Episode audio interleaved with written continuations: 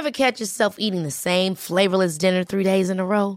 Dreaming of something better? Well, HelloFresh is your guilt-free dream come true, baby. It's me, Gigi Palmer.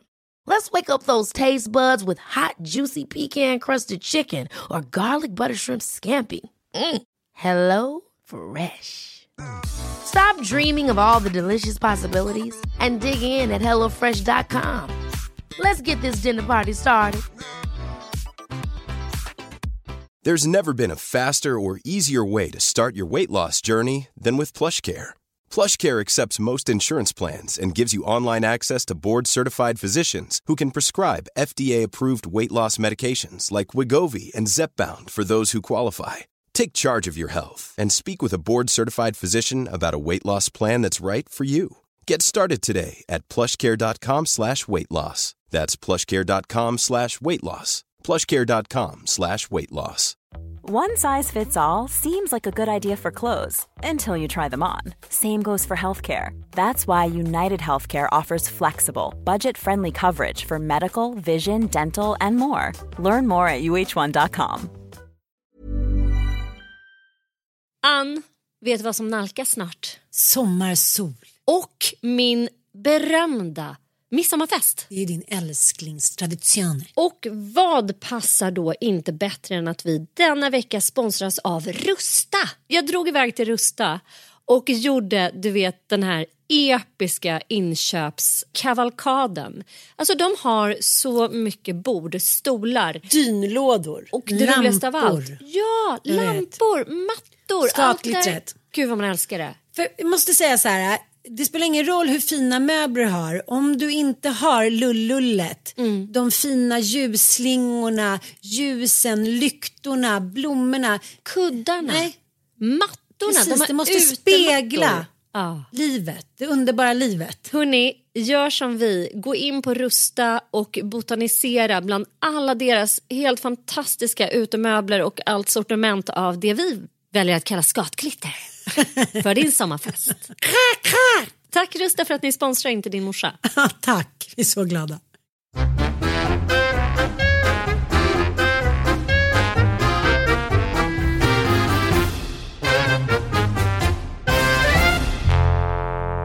Hej och välkomna till Inte din morsa. Vilket jävla antiklimax. Jag sitter i vår poddstudio ensam. Ja, så meningslöst. Nej men så meningslöst. Nej, men det är liksom, eh, du vet eh, på Gröna Lund, ni som har varit där och du också Sanna, så finns det ju ett spel där man ska slå ner, är det grodor man ska slå ner med en träspak? Kolmaskar eller ja just det, grodor. Det är nog lite varierat. Hur manisk jag än blir så är jag så jävla dålig på det här spelet. Jag tycker ändå att jag i vanliga fall, liksom, om jag gör ett fotbollsmålvakt, så här, jag har ganska bra så här, Ja, men, reaktionsförmåga. Snabba reak- reaktionsförmåga. Mm. Men den där, liksom, du vet, jag hatar det så mycket. Jag blir så irriterad som att de vore liksom levande. Mm. jag blir så jävla irriterad. Och så känns det lite att leva i samhället just nu tycker jag. Att det är så här att allting är lite som det spelet. Att man, så här, man tror precis man har slagit till en typ en kolmask men då dyker det upp en ny och bara så här, nähä du. Nu slog jag undan benen på det och eh, jag ska ju på en eh, middag ikväll och då måste man eh, visa upp ett liksom, negativt covid-test. Så ska, skickar man det på tråden då. Så att jag skickade bara vidare, tog liksom mitt test och tog en bild och skickade vidare. Så var det en kille som var som, som var så här, men varför, du har alltså tagit min bild an och lagt in i tråden. jag var så här, äh, men Martin så desperat är jag inte att gå på den här middagen så ta det lugnt. Och så kollade jag på bilden så bara, jaha, du vet i WhatsApp så trycker man bara och så liksom går bilden in.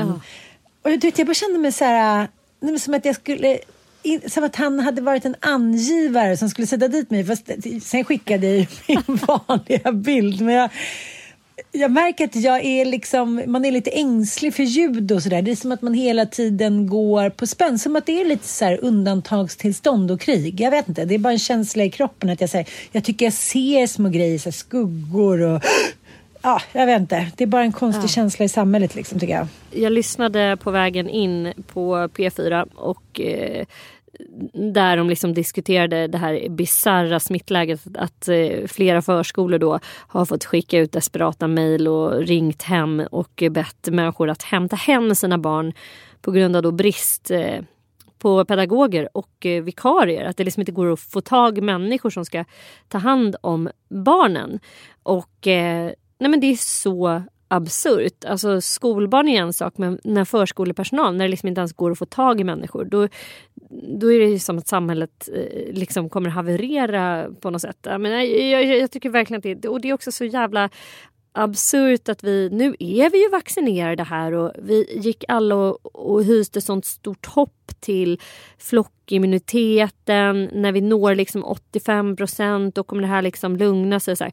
Nej men nu har vi en extremt hög vaccinationsgrad. Ändå är folk sjukare än någonsin. Även om vi inte är allvarligt sjuka så har ju alla jävlar covid. Liksom. Eh, ändå, det är liksom helt sjukt. Typ som vi var så här, satt i en gruva. Ja. Så fort någon nyser då, då är hela gruvan typ, där inne.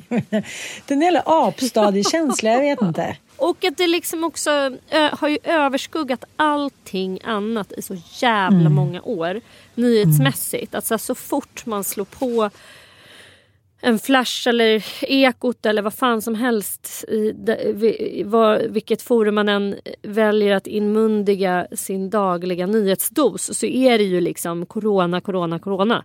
Eh, vilket gör att vi, det är som att vi liksom glömmer bort, eh, jag följer historikern Peter Englund på Instagram eh, och han skrev något så ganska oroväckande om Ryssland. Och jag bara, vadå? Ryssland. Alltså att vi typ, alltså att så här, Europa är under liksom ryskt eh, ganska kraftigt hot liksom och att hela Europas elpolitik liksom bygger väldigt mycket på den här jävla gasledningen som vi då har tillåtit ryssen att dra utanför Gotland. Och att de naturligtvis kan utöva ganska hård press mot eh, hela Europa Eh, om vi inte gör Ryssen kommer. Vill, liksom. Stänga av gasledningen, då kommer vi inte få en elräkning. Alltså vet du vad vi hade för elräkning? Nej, nej, nej. Vill jag ens höra? Nej men alltså blunda Ja, ja, ja jag gör det nu. Okej, okay. jag vill ha... Liksom... Rickard, kan ja, du lägga in en virveltrumma? Under december månad. Okej, okay, få höra då, Sanna Brunett. Ja. 44 lakan. Va? Nej men det var väl på tre månader? Ja. Nej, nej, på en månad. På december månad. 44 000 svenska riksdaler. Mm. Och då, och då vill jag liksom förtydliga för er som lyssnar att så här, ja, vi bor på en gård med 45 hektar och vi har liksom stall och verkstadsutrymmen och, och sådär. Men, men inte i någon överdrift. Jag, jag törs inte ens tänka på dem som kanske har ett ridhus som de lyser upp eller en eh, laggård full med mjölkkor som ska mjölkas med elektronisk apparatur. Eh, alltså vi har en bergvärme panna liksom, som värmer upp vårt hus för väldigt låga. Vi har ganska låg elförbrukning för att vara en så stor gård. Och det här handlar ju alltså om de skenande elpriserna som är mer än sex gånger så höga som normalt på vissa håll då i Sverige. Och att det här drabbar ju inte folk som bor i hyresrätter som har liksom fjärrvärme och andra typer av alltså så uppvärmning och så som sker på annat vis. Utan det drabbar ju liksom villaägare i väldigt, väldigt hög grad. Och eh, det här kommer bli, jag tror att det här kommer bli typ ge större konsekvenser än coronan. Alltså, tänk dig så stora industrier i Skåne där det är mer än Alltså det är sex gånger så höga elpriser. Vi kommer ju få varor som är jättemycket dyrare och det här kommer ge långtgående konsekvenser. Vi har ju värmepanna så jag var så här, jaha, oj, det här kostar fem och sju typ. Men det var på tre månader och så var den andra på två och tre. Så att december månad blev liksom, ja men fyra papp. Det kan man väl liksom ändå leva med. Men 44, så här, gode gud. Nej men det är ju, och det är också någonting så här jag har fan aldrig intresserat mig själv för elnätet Nej. och hur fan el funkar. Men det är någonting så jävla abstrakt med el. Det är så här, den kommer någonstans ifrån. Varifrån? Från så stora jävla elledningar som är dragna över hela Sverige. Men att det då är billigare el om man bor uppe i Norrland och dyrare när man bor i Skåne. Bara en sån grej tycker jag är konstigt. Vi bor ju i samma land och betalar ju samma energiskatt. Ska inte vi ha samma pris på el? Nej, det har vi tydligen inte jag vet inte exakt hur man motiverar det. Men att det kanske är kallare i norr och man behöver mer el när man bor där. I don't know, det är mörkare där. Eller att de har liksom större tillgång till grön el i form av vattenkraft och sånt. Så att det är närmre.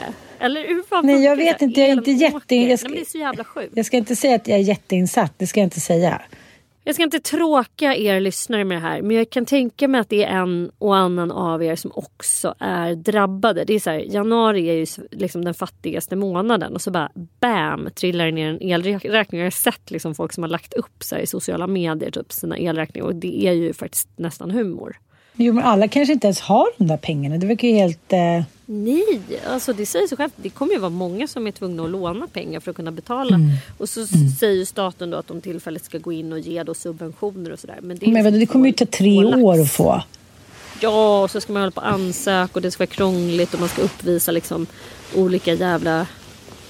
Ja, för fan vi slutar prata om det här. Det är för Ja. deppigt. Vi pratar om, om ett roligt fenomen i alla fall som jag eh, tänkte faktiskt på när jag eh, var på den här festen i lördags. Berätta, som vad, vi du, har med. du har varit på fest. Din bästis har Jag har varit på fest. 50. Eh, Min, eh, en av mina äldsta kompisar Frida fyllde 50 år och vi hade en överraskningsfest för henne. Och hon hade ingen aning. Fan.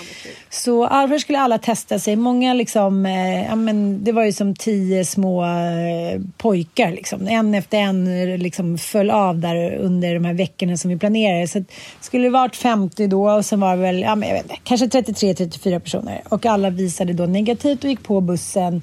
Hon hade varit på Grand Hotel med en kompis och lurades in på bussen med, med, liksom, med, med motivationen att säga, det är en gammal killkompis som sitter där som jobbar där. Hon bara, jaha, du vet, man, ibland är saker så absurda att man inte ifrågasätter dem. Så hon gick in på den där bussen och bara, hej Frida. Han bara, hej.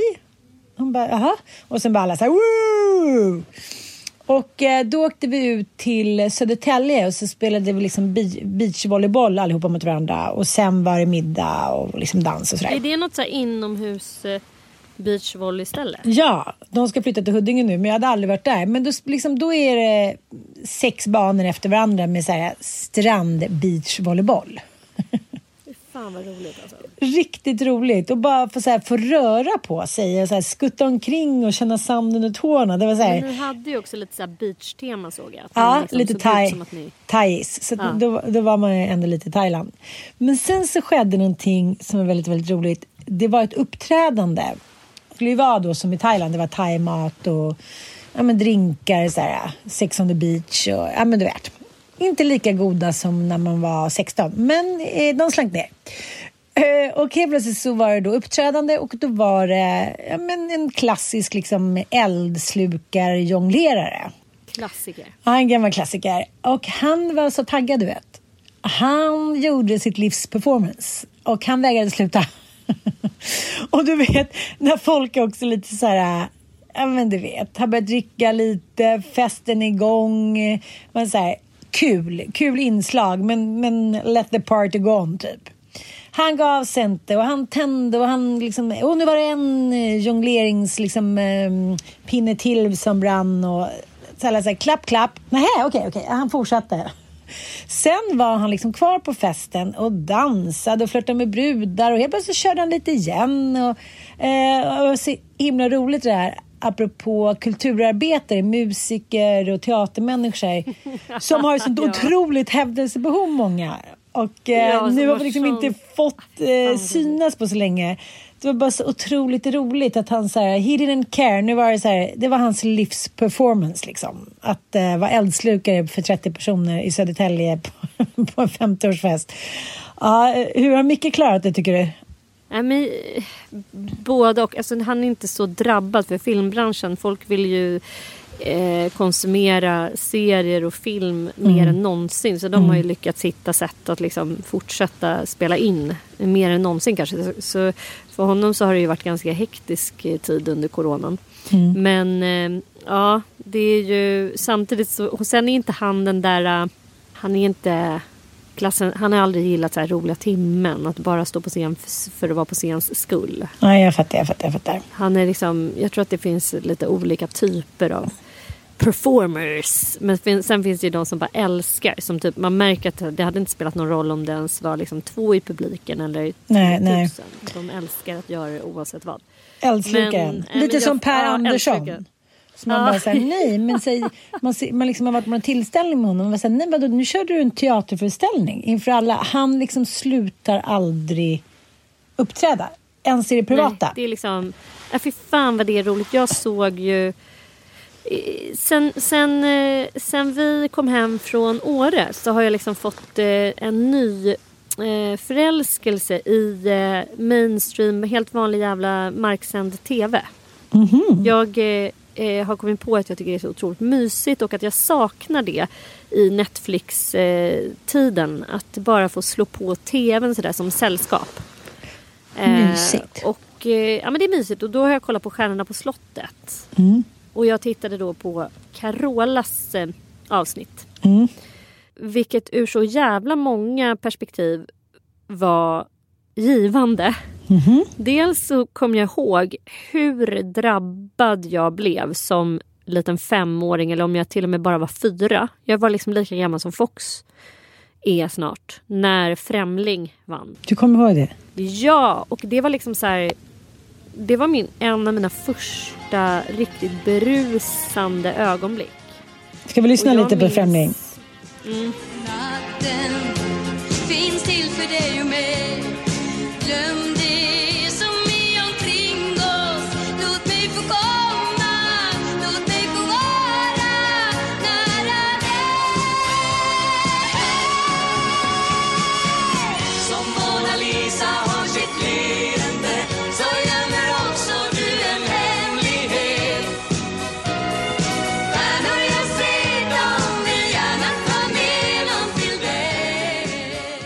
Ja, den, jag tycker Ja. fortfarande att det är en otrolig låt.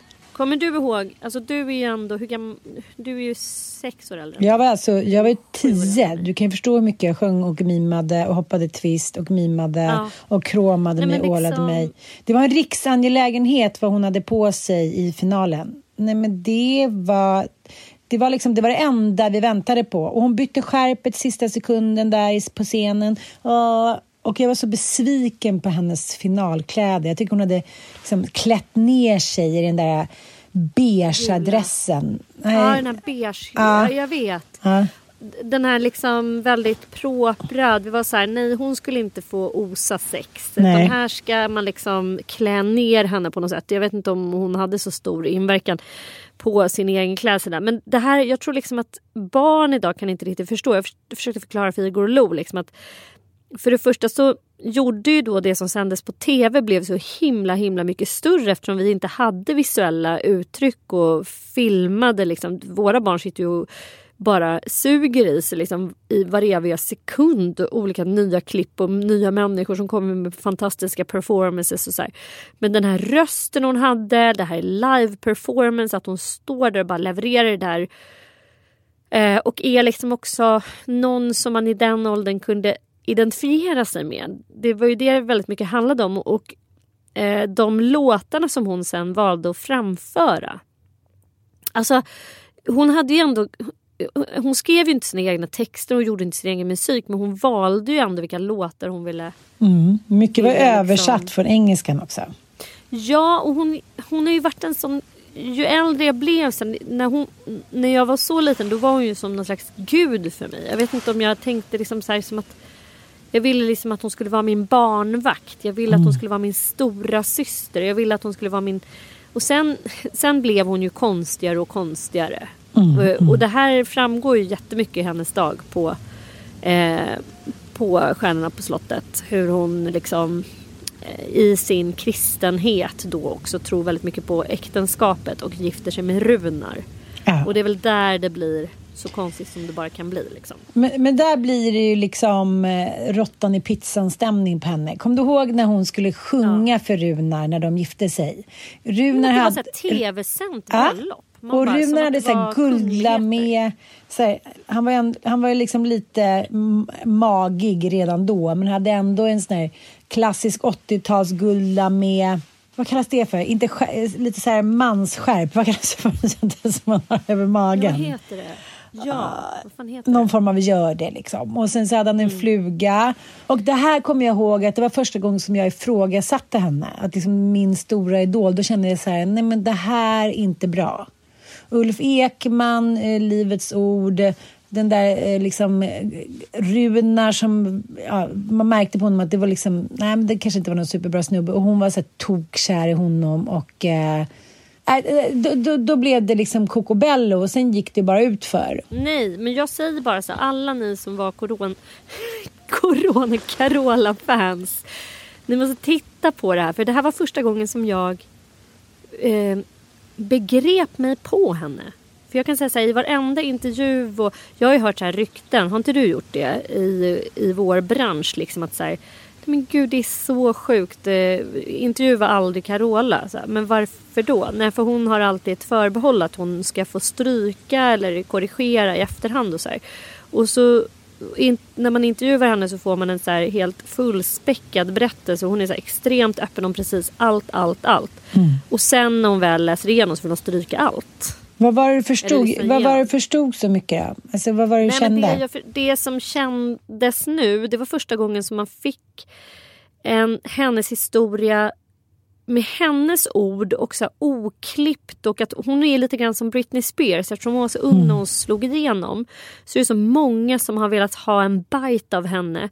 Så hela hennes persona har blivit så jävla färgat av Eh, alltså väcker man henne mitt i natten så kan hon bara ställa sig och sjunga Främling med ett leende på läpparna och göra en liten dans. Alltså dansstegen sitter liksom i hennes ryggrad eh, mer än någonting annat i hennes liv på något sätt. Det, det är liksom så hennes liv, lite som Pernilla Wahlgren kan man också få den där känslan av att man är så, här, man är så jävla tidigt skolad till att vara så här, the perfect performer på något sätt. Britney, Carola, Pernilla, vi har ju några sådana. Så Molly Sandén kanske har varit lite grann så. Nu har hon väl brutit sig från det. Men förstår du typen? Ja, jag fattar, jag fattar Är precis. du med mig? Ja. Och det har känts som att hon har, liksom, hon har förlorat hela sitt, sitt jag i, i det där eh, artisteriet. Men eh, här i Stjärnorna på slottet så tycker jag man ändå så här, aha, det här är hon. Fan stort alltså. Hon kunde ha en kritisk blick både sig själv och sen så sa, berättade hon någonting som jag tycker var väldigt spännande på något sätt. Och som jag också tyckte var så här lite eh, sorgligt att man hastade sig igenom det. Hon berättade att hennes mamma fick en eh, postpartumpsykos när hon föddes. Så hon Förlossningspsykos. lämnades, ja, förlossningspsykos. Ja. Och hon lämnades därför bort när hon var nyfödd. Mm. Så hon fick ju då växa upp på alltså, sina första veckor eller om det var månader i livet. Eh, så, så var hon på något litet hem i, alltså barnhem på den tiden. Mm. I eh, Bromma. Och hon hade varit förbi och det är tydligen en förskola nu. Då tänkte jag på dig. Jag bara, tänk om det är där Frasse går. nej det är bara en barack det här som vi går Eh, på. men t- och då, då berättade hon det. Så, ja, men mamma fick det här. Och, men det var ingenting som påverkar vår relation. och så här. Jag tyckte att hon stannade så. Det var en, sån här, en verkligen ny grej som man inte hade en aning om. Men det är klart att det måste färga en människas liv. Att man liksom har sina första, första anknytningsdagar eh, och veckor i ensamhet på något sätt. Ja, jag fattar. Men det kanske också därför... För jag tycker det är så intressant, för även fast hon, det har kunnat gå så här tio år ibland utan att hon har kommit med en ny låt, ut, liksom, eller en bra låt. Jag menar, hon, hon gjorde ju bra låtar där i början. Sen kom du ihåg att hon åkte till USA och skulle bli stjärna. Så här, Bee Gees skrev låtar till henne och hit och dit. Ja. Liksom. Men det som jag tycker är så fascinerande, för jag kommer ihåg att Lasse Holm sa då att så här, ja men hon är väl kristen, men du vet det där kommer gå över va? Hon är tonåring liksom. Men det, det har ju verkligen inte gått över utan, och jag tror att hon också blivit extra känd för att hon är typ den enda svenska kändisen slash artisten som har gått ut med sin tro. Sen vet man att det finns andra som är troende men som liksom, ja men det liksom knofflas lite under mattan och så här, för man tycker att det, det framstår som tossigt och lite galet. Men Carola har ju bara blivit mer berömd. Jag kommer ihåg precis när hon skulle gå upp och göra det där framträdandet på Eurovision så satt hon där med sin lilla katekes, kommer du ihåg det? Med den där röda katekesen. Ja. Ah, och bara, jag Och vill tacka Herren för Ja, jag vill tredjeplatsen. tacka Man bara, Gud. Hon grät och var så Ja. rörd när hon hade framfört Ja. Främling. Och det var liksom Ja. det första hon sa. Och det är ganska exceptionellt att en sån ung människa, hur gammal var hon? 15 eller 16. 16? 16. Och eh, ja, men hon var ju så här djupt troende, hade Guds, hon hade varit på något läger. Hon, hon går igenom allt det där. Titta titta på det här eh, fantastiska avsnittet. Jag tycker faktiskt att det var väldigt rörande och en väldigt, väldigt eh, rolig bidragande underhållningsfaktor är ju att Per Andersson sitter, alltså han kan ju inte se inte rolig ut. I varenda jävla reaktion han har så ser han ut... Alltså man vill ju bara skratta på sig. Du vet när kameran så zoomar in på honom när, när Carola berättar om förlossningspsykosen typ, så, se, så ser man ju liksom det roligaste man har sett någonsin. Vad är det som gör hans utseende så fruktansvärt roligt? Jag vet inte, jag tror också, han är den där personen som sitter på festen och hela tiden väntar på den där glipan när han får säga någonting. Han kan liksom inte fokusera på andra människors berättelser. Jag tror att så här, han är så uppe i nästa grej han vill berätta om, nästa rolighet, nästa liksom underfundighet. Han... Du kan ju typen.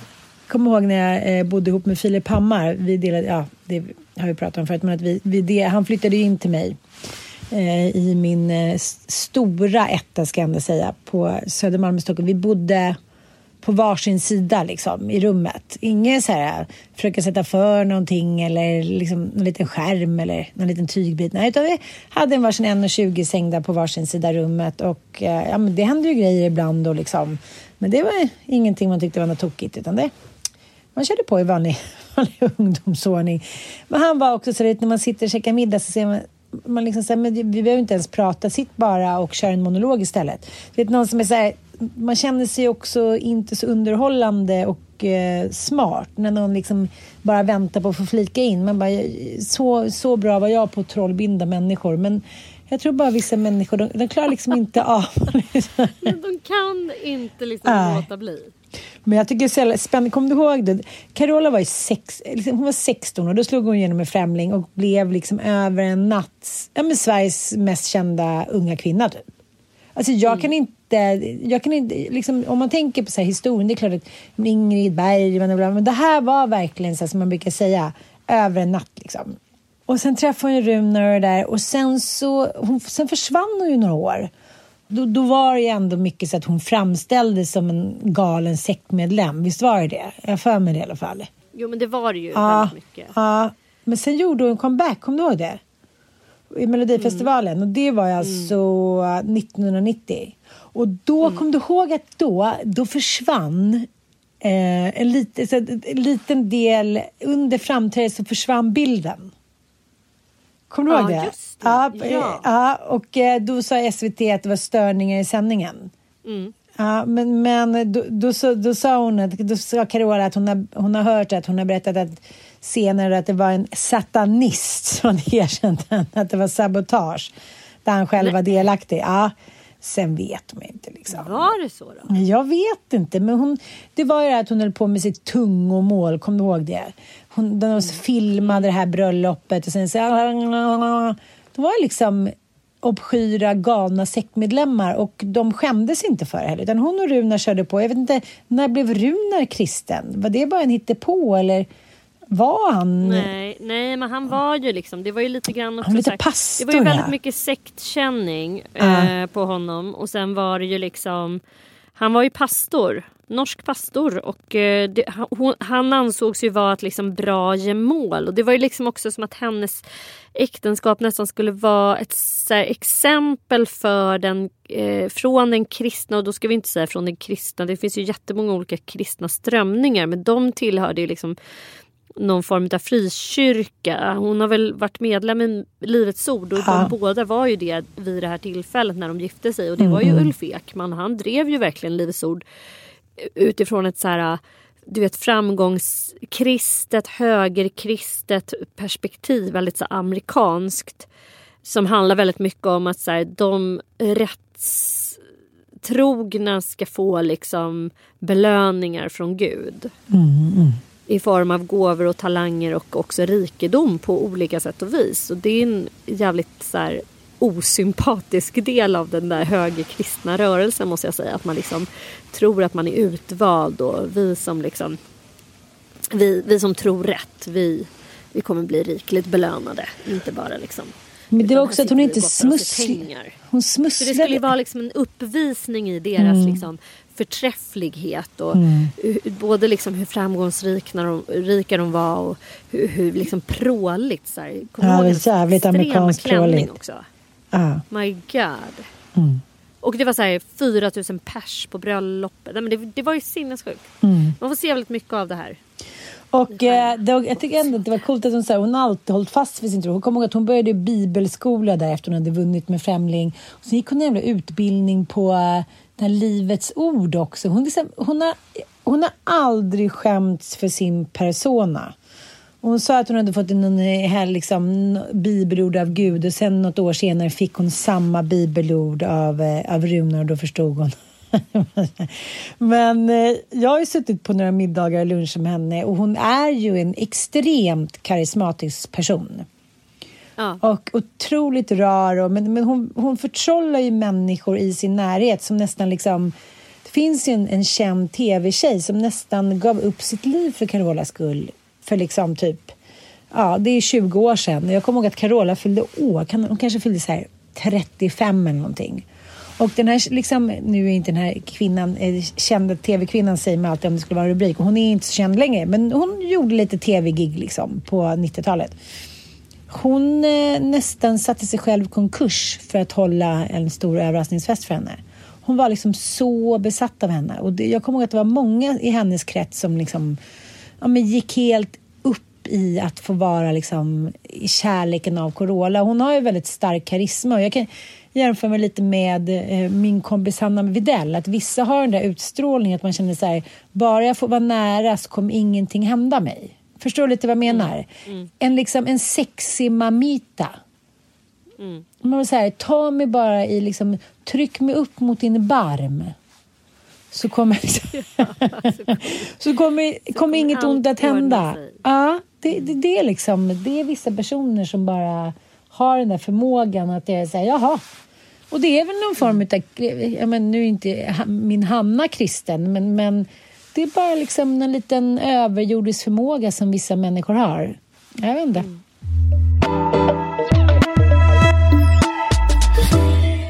Det var någonting som slog mig som jag var såhär, gud det här måste jag få prata med dig om. Och det är ju, eh, vi, vi var inne på det här under förra veckans podd men tyvärr så var det ju riktigt risigt ljud. Vi har ju liksom poddat på varsitt håll på grund av din operation och på grund av ja, obvious reasons, the Rona. Eh, och eh, Åreresor och Lofdalen-resor och hitan och ditan. Men nu är vi liksom tillbaks, eller jag är tillbaks i studion. Och, eh, vi var inne på det då och jag är fortfarande inne på det för att vi skriver ju en tenta nu om andra typer av missbruk än substansmissbruk. Och eh, nu har jag suttit och knepat och knåpat här om sexmissbruk. Avvikande beteende. Avvikande, alltså så här, vad är ett sexmissbruk? Finns det ens? Och det är ju kan vi ju säga inte än inskrivet i diagnosmanualerna. Alltså varken i ICD som då är Världshälsoorganisationens diagnosmanual eller i eh, DSM-5. Eh, vilket gör att man kan liksom inte sjukskriva en person för sexmissbruk. Men det finns ju beskrivet i eh, psykiatrisk litteratur och det är ju eh, hos vårdpersonal och hos psykologer så är det här allmänt vida känt. Det är bara det att det är svårt att sjukskriva och bekosta behandlingar f- för det. Men det kommer säkert ändra sig eh, inom de närmsta åren. Och det är ett faktum att man definitivt kan vara sexmissbrukare. Det finns ju hur många vandrande bevis på som helst. Eh, men det har väckt mycket tankar hos mig. Och, och, och eh, jag har bara funderat så här rent generellt kring sexualitet. Ja, ja. Att det är någonting, dels så störde jag mig jättemycket på, vi, vi, har ju liksom, eh, vi läser ju vår utbildning på eh, Bergströms utbildningar till anhörigterapeuter. Och eh, där, då fick vi ett PM där eh, Lennart Bergström som är beteendevetare och han har då försökt eh, definiera vad som är olika typer av problematiska sexualiteter eller så avvikande sexualitet, farlig sexualitet och så här.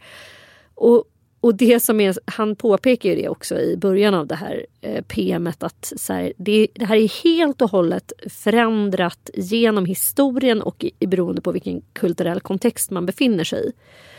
och, och så att de här definitionerna är ju extremt flytande. Liksom.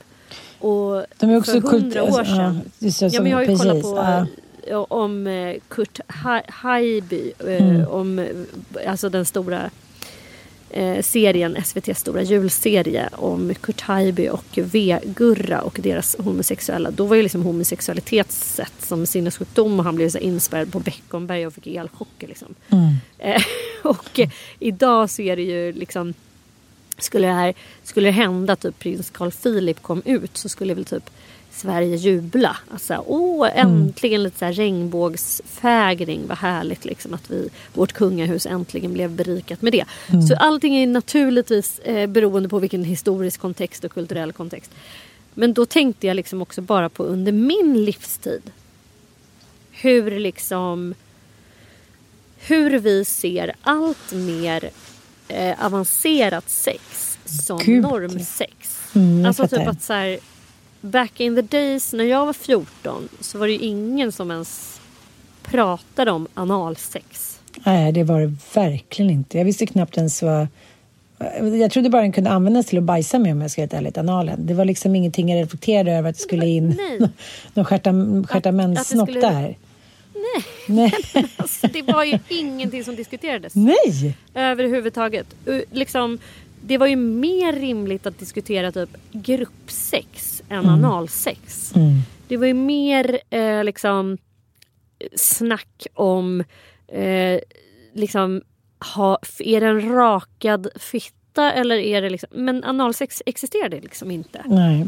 Inte, inte i våra kretsar i alla fall.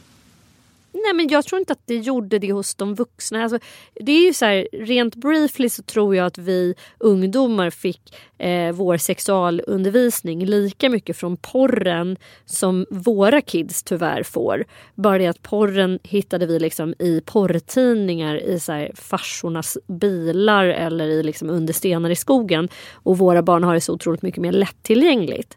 Men inte fan var det den typen av sexuella scener som presenterades för oss. Alltså så här, analsex, googlar du typ på så här, hot sex så får du väl upp säkert analsex. Så det verkar ju vara liksom mer mainstream än typ vanlig sex.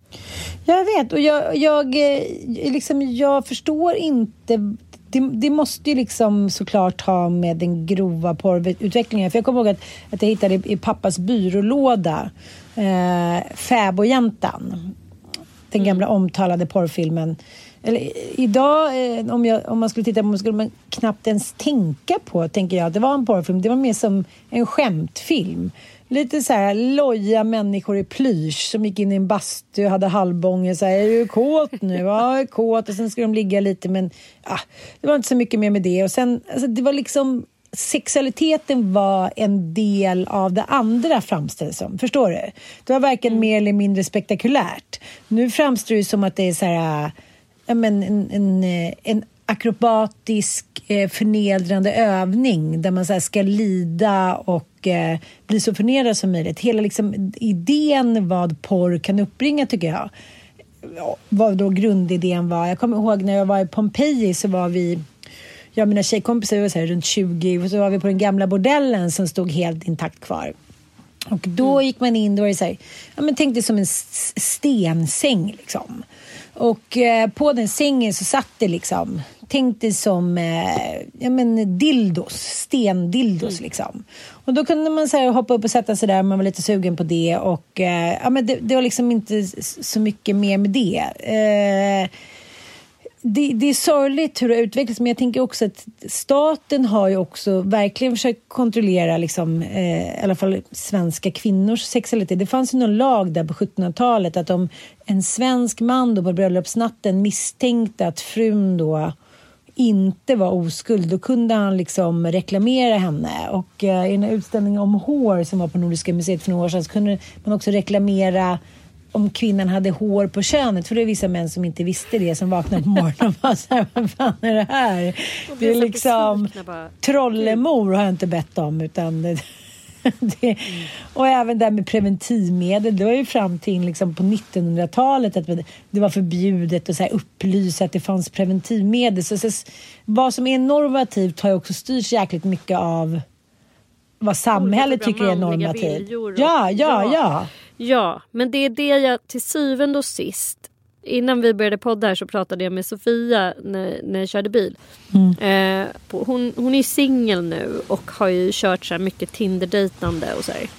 Och hon har bara kommit fram till att säga nej. Alltså jag hatar one night stands. Jag är likadan, jag gillar inte det heller. Hon bara, jag, jag är så jävla trött på att man så konsumerar eh, både sex, andra människor och kroppar. Vilket ju Tinder är, är liksom ett så här, Hon bara, jag hatar Tinder så jävla mycket.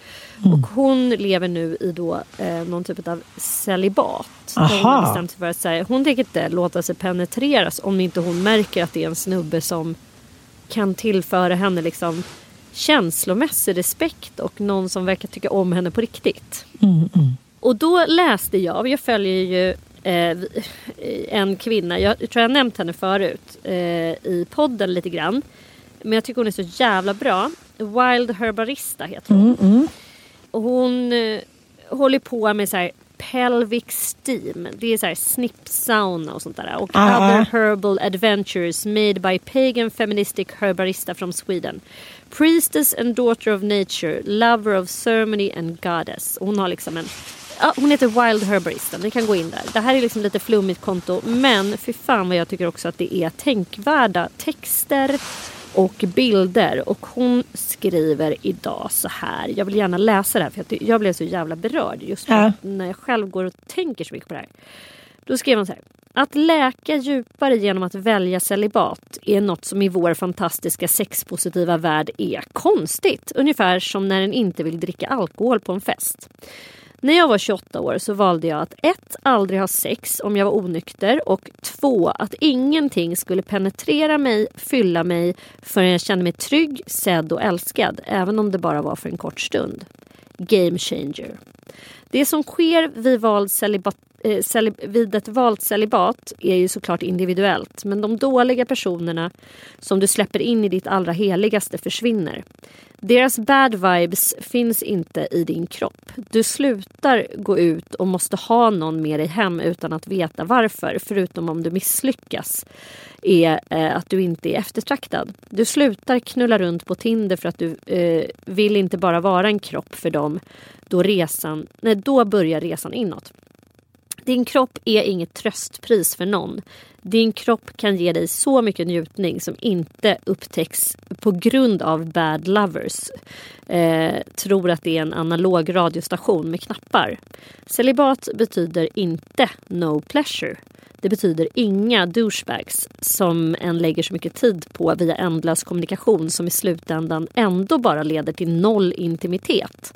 Du kan skapa plats för läkning via celibat. Du kommer inse att du är värd mycket mer än de som skiter i din njutning, de som svarar när de vill, de som inte vågar visa upp dig, de som ljuger om er gemensamma framtid. När du väl bestämmer dig för att ha sex igen då kommer du inte ha det från ett performativt sårat ställe utan från din egen kärlek till dig själv. Till sexets gåva, magi och urkraft. Jag tycker det här var fint. Så fint. Fy fan vad jag bara kände att så här, gud vad jag hade velat få det där uppläst för mig när jag var typ 18 år och läste i tidningen Re- Veckorevyn att så här, du ska ha sex minst två gånger i veckan annars är du onormal och har en sorglig relation. Typ. Jag vet, jag vet, jag vet. Så För fan, Veckorevyn, förstår du hur mycket, mycket ont de har gjort för vår generation kvinnor? Men så fruktansvärt. Och vet du, det, jag känner bara rent generellt, och jag vet inte om det har att göra, göra med min ålder, att det är så jävla mycket sex jag har haft som har varit så dåligt. Mm, jag håller med dig. Fy Och då har inte jag ändå haft så jä- alltså jag har inte haft så mycket sex med så väldigt många olika partners. Jag har inte knullat runt Nej, jag fattar, jag fattar. Men jag tycker ändå att även med mina fasta partners har jag haft mycket douche. Mm. Ja, jag håller med jag håller med dig. Även män som jag har älskat innerligt tycker jag Ja. Mm. kan ha använt mig för att så här, åh man ska ju knulla, jag, jag vill knulla varje dag för annars har vi en dålig relation. Bara Ångestproblematik också. här, du, ja, det är slut med det. Mm. Jag är 43, gör slut om du tycker att du får knulla för lite. Mm. Nej, vet du, jag är inne Eller på samma mycket. spår. Om du vill, Ja, Nej, jag är inne på samma jag spår. Här, jag tänker inte, från och med detta år, så tänker inte jag ha dåligt sex någonsin. Men det här är Jag så tänker sjukt. bara ha bra sex. Det och sa- jag kommer ställa krav. Jag med! Och det sa jag faktiskt. Har inte jag sagt det till dig? När vi var i Marbella sa jag så här. Nu blir vårt sex bättre. Annars blir det inget mer sex. Jag kände också så jag bara kände så här. Nej, nu ska vi iväg då. Och ska vi knulla på semestern. Och så liksom var det ingen som riktigt ansträngd. Jag bara kände så här. Nej, men vet du, det är slutknullat. Eller också får man knulla med andra. Eller jag vet inte. Jag bara kände också så här. Nu är jag för gammal för att ha mer dåligt sex i mitt liv. Det kommer inte ske. Det, liksom, det kommer inte ske något mer. Och vet du hur befriande det var? Sen några veckor senare så satt jag på någon middag och berättade om det här. Och alla var så här. Va? Oh! Du vet, så här framgångsrika hetbrudar som alla inte vågade säga till sina karar att de inte gillade ditten och datten eller att det skulle tas från sidan eller bakifrån och analis och fanalis eller att man inte fick orgasm hit och dit. Jag bara kände så här, nej men gud, det här är ett liksom gäng Sveriges framgångsrikaste kvinnor plus 40 som låter att de lever liksom som Ida Maria från Arkeflo 1833 och typ så här blir kastade på soptippen på isberget om de inte ställer upp för karasloken. Jag var så här, nej för fan, bra, då står vi på samma sida. No more fucking bad sex. Ja men jag vet. Och jag, jag är också så jävla... Jag är så deppigt... Eh, vad ska man säga, insiktsfull över att de sexuella roller som har erbjudits oss kvinnor, alltså från att man är 14, alltså man blir kvinna, man är så här, nu är man helt plötsligt kvinna och då har jag att välja på att antingen vara hora eller madonna. Och är jag madonna då är jag frigid, då vill jag inte knulla alls och går runt i så här, eh, frikyrkliga kläder och typ inte gillar sex. Och då är problemet att man inte ger sin partner tillräckligt med sex. Men man är ändå bra så här, wife material för man är inte otrogen, man håller inte på att flirta runt med andra och det är ingenting att vara svartsjuk. Eller så är man då hora. Och då är det liksom, då har man ju problem, problemet liksom med svartsjuka, att man liksom blir eh, sexuellt förnedrad, att man ska vara tillgänglig, att man på något sätt inser att man har ett värde som kvinna genom att vara, eh, genom att sexualisera sig. Det är typ alltså, hårdnackat de två rollerna. Sen har det ju klart att det har hänt mycket och att det har blivit bättre och att det finns fler nyanser nu. Men grovt hugget så är det ändå ungefär samma jävla roller. Mm, jag vet. Är du med mig? Jag tycker det är sorgligt.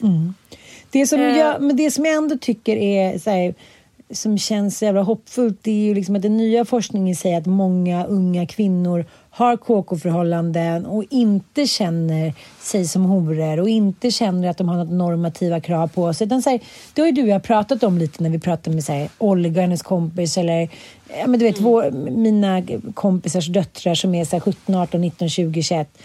Och vi sa, nej vadå ska du inte vara ihop med någon? Nej, ska du åka utomlands nu? Nej, ska du inte åka hem då? Har du ingen kille? Så bara, nej jag känner inte för det. Man bara, nej, eh, okej, blev du inte kär i min son? Nej, det blev det inte. Alltså, jag, för mig är det ändå en ny generation tjejer. Men så tror jag ändå att, att, att, all, att man fortfarande, eller många kvinnor, unga tjejer känner det att de eh, kanske ändå blir used, om du förstår lite vad jag menar. Ja, jag tror att det är liksom lite samma för för män också. Det, det jag kan se hos den här Generation Z, vad kallar man dem för det? Eh, det är liksom var, alltså jag kan sakna det där intimiteten och så här kärlek. Att man eh, så här letar efter att vara Eh, att gå in i någon annan, att bli ett. Liksom hela den grejen. Att så här, de är inte kära i varandra. Visst, de knullar runt och det är liksom Tinder dejtas och det är så att de konsumerar varandra väldigt mycket. Och sen när det inte liksom passar, att kvinnor har liksom fått bli mer som män. Och det är mer socialt accepterat. Att använda andra människors kroppar. För det var också någonting som slog mig. Vi, vi hade en fråga i vår tenta. Så här, eh, hur skiljer sig anhöriga till sexmissbrukare från andra Alltså från anhöriga till substansmissbrukare. Och, och jag tänker att det är väl inte så jävla stor skillnad. Men jo, på ett plan är det det. Därför att sexmissbruk inkluderar ju nästan alltid andra människor. Eh, Även om man sitter hemma och runkar så gör man kanske det till porrfilm och då inkluderar man ju människor som spelar in de här porrfilmerna. Eh, eller så är man otrogen och, och kanske köper sex då eller liksom Mm. övergrepp. Eh, eller så är man, liksom, hittar man någon annan som också... Alltså förstår du? Det Ja, inkluderar fattar, jag hela fattar, tiden jag fattar. andra människor. Och det handlar ju väldigt mycket om att man då konsumerar andra människor för sin egen å- ångestlindring. Vilket Mm. är så... Dels är det ju fruktansvärt, en ganska tragisk människosyn. Liksom, att så här, Mm. "Åh, jag har ångest, nu vill jag knulla med någon. Det räcker inte med att man sitter och Mm. runkar i sin ensamhet utan det ska liksom kickas igång på någon så här jakt på någon annan och sen ska man Mm. ligga med den personen också. Liksom, i, inkluderar. Så det är ju en stor skillnad mot en person som då är Ja, det är, det är verkligen sant. Men jag, jag tänker när man, när man läser, så här, när jag satt och, och ja, pluggade lite så läste jag också så här, eh, lagen om eh, ja, LVU-lagen, alltså så här, ungdomsdomar. Varför liksom när man, eh, ja, man enligt liksom lagen då liksom placerar ungdomar i ja, olika sorters, ja, antingen i familjehem eller i eh, på ungdomshem och liknande. Och det ofta handlade om eh, unga människor med sexuellt då avvikande beteende. Och att så här, eh, jag läste en väldigt intressant artikel också i Svenskan att, att det handlar om att det också, som vi pratar om, att det så jävla ofta är ångestreducerande. Att många tjejer säger att det är bättre att eh, använda sex som ångestreducering än till exempel skära sig i armarna för sex syns inte. Mm. man använder liksom eh, att så här, man, man, man, man har ett sånt självhat att så här, man måste få ut någonstans och då är det jävligt lätt att bli sexuellt utnyttjad. Och jag tyckte det var så otroligt sorglig läsning, så här, unga tjejer som eh, ja, då väljer då ett annat sätt att så här, ta hand om sin ångest och genom att så här, sälja sin kropp eller bara ha jävligt mycket vidrig sex. Liksom. Jag tror att det är där porren kom in. Sen är det så här, du och jag har pratat mycket om porr och så här, enligt forskning så, så är det där jävligt svårt. Det finns inte tillräckligt mycket beforskat eller evidens. Så, ja, de allra flesta människor blir faktiskt inte påverkade av att kolla på porr. Liksom. Nej. Men nu var det några brittiska forskare som bara sa, ja, vi, vi, vi får ju skriva ut viagra till många unga killar för de är så porrskadade så de kan liksom inte tända på sina tjejer om tjejerna inte går med på det här liksom, ja, analknulleriet. Ja, det är en, det som är, det som är så här, tycker jag väldigt deppigt. Jag tror att jag läste det här hos Wild Herbarista också. Eh, att eh, olika typer av, alltså när man blandar våld och sex så får man ju ett synnerligen beroendeframkallande eh, liksom,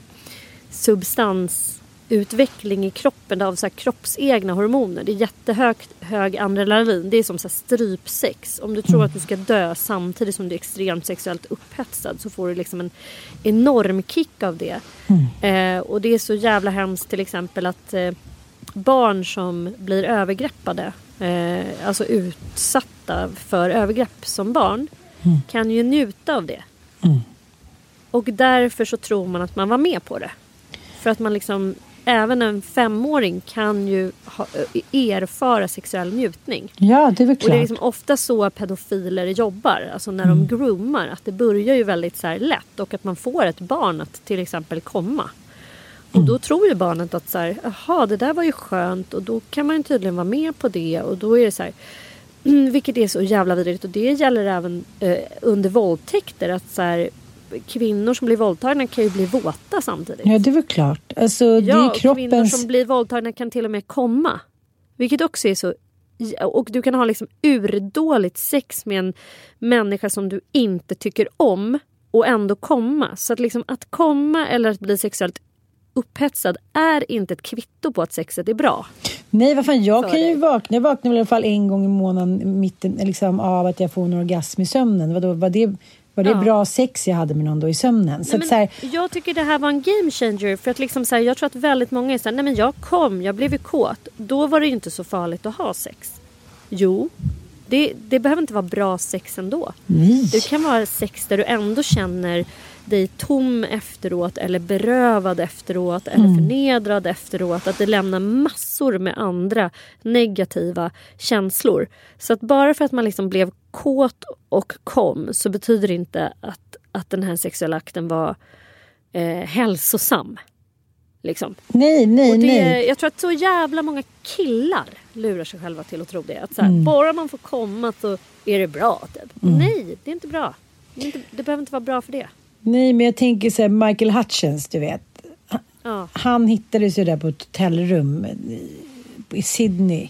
Då var han ihop med på Paula Paula Yates. Yates. Och eh, först så- så förklarade man att det var ett självmord. Liksom. Men sen visade det sig att det var... Eh, Strypsex. ah, vad he, jag googlar här nu. Autoerotisk asfyxi som gått fel. Och auto, autoerotisk asfyxi innebär då att man krä, kväver sig själv när man har sex då för att få mer njutning. Mm. Och, eh, ja, och eh, då förklarar hon det att, att, att eh, Michael Hutchins han var så himla deprimerad för att de hade en vårdnadstvist, hon och hennes exmake Bob Geldof. Och därför så var hon och bebisen, lille Tiger, tvungna att vara kvar i England för de fick inte resa någonstans. Och då... Eh, och då han, liksom, de, det var ju bara en bebis. Han saknade ju sin dotter så mycket så han hade ringt och bråkat med Bob Geldof. Och så här, vad fan måste du göra vårt liv så komplicerat liksom? Nu är det som det är. Och, och hade otroligt hög ångest för att han var ensam utan sin familj och sådär. Och det var samma månad som det här hände liksom. Ja. A little exp- kanske en liten eh, förklaring. Ja, men jag tycker i alla fall att det var ganska fascinerande att liksom bredda begreppet att så här, nej, det behöver inte vara någonting som är bra för en bara för att man blir kåt. Nej, alltså, det kan nej, vara nej. dåligt ändå. Liksom. Och det tror jag är så, här, så jävla många unga killar som så här, sitter och runkar till porr. Att så här, nej, det är ganska uttömmande och det är ganska dränerande och det är någonting som skapar, tror jag, väldigt stora ensamhetskänslor och så här, extremt mycket dubbla känslor. Eh, för att bli exponerad. Och visst, absolut har man ju ett val men när man förstår hur mycket kroppsegna så här, må bra-hormoner som produceras när man kommer och när man har sex så fattar man ju också att, att det här är beroendeframkallande. Det Ja. är därför porrindustrin är så här världens mest... Skulle man investera i en aktie utan att ha skrupler så skulle man göra det i porr. Men det, det, det, liksom har det du varit med om själv. När man, så här, du vet, när man är nykär och ska fortsätta ligga fast man är nej men okej nu har vi legat typ fem gånger den här natten så jag orkar inte. Din snopp ser ut som en falukorv typ, och själv kan jag knappt gå. Och ändå så har liksom endorfinerna, de så här, sätter igång något galet system i. Man måste bara med, man blir nästan... Har du aldrig känt det att man nästan blir galen? Jo, Att man- jag tycker det är en jävligt jobbig känsla. Det var lite som när du förklarade orgasmen med den där sexapparaten. Så man vill inte ha den där orgasmen, men man kan typ inte. Det är ju typ ont. Just det, gud vad roligt. Det känns som att januari är... Det är då vi tar nya tag i sexualiteten. Nu blir det celibat. Förra Ja. året var det klittvibrat. Ja, nu, nej, nu ska vi ha riktigt... Jag, jag, jag Nej, men tänkte att ska ha jag skulle... riktigt jävla bra sex hela det här året. Ja, på lördag ska jag ju då försöka sex, ha premiären med lite sexalona efter min operation. Så nästa Åh, vecka gud, blir det knullerirapport. där, där lämnar vi dagens podd med en liten cliffhanger. Med en cliffhanger. Underbart. Tack för att ni har lyssnat. Ja, tack för att ni lyssnar. Gå in och prenumerera om ni inte redan gör det. Och hörni, skicka jättegärna DMs till oss om det är några så här önskeämnen eller om det är något, eh, ja, något som ni är sugna på att höra mer om. Vi är så glada för all, pepp ni skickar. Alltså fy fan vad härliga ni är tycker jag. Ja, otroligt härliga. Tack snälla. Puss och kram. Puss och kram.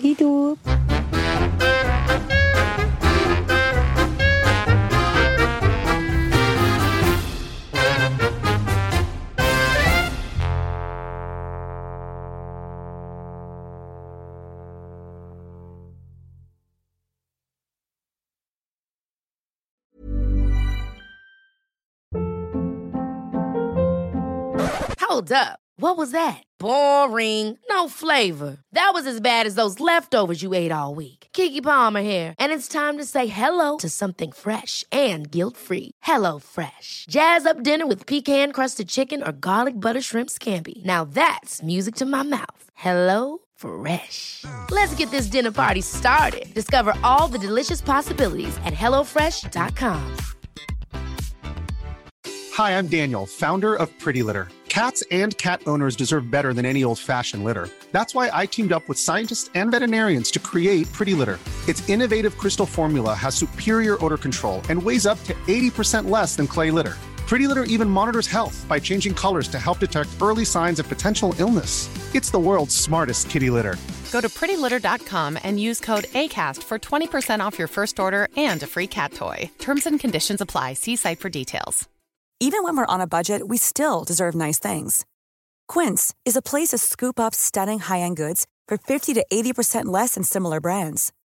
They have buttery soft cashmere sweaters starting at $50, luxurious Italian leather bags, and so much more. Plus, Quince only works with factories that use safe, ethical, and responsible manufacturing. Get the high-end goods you'll love without the high price tag with Quince.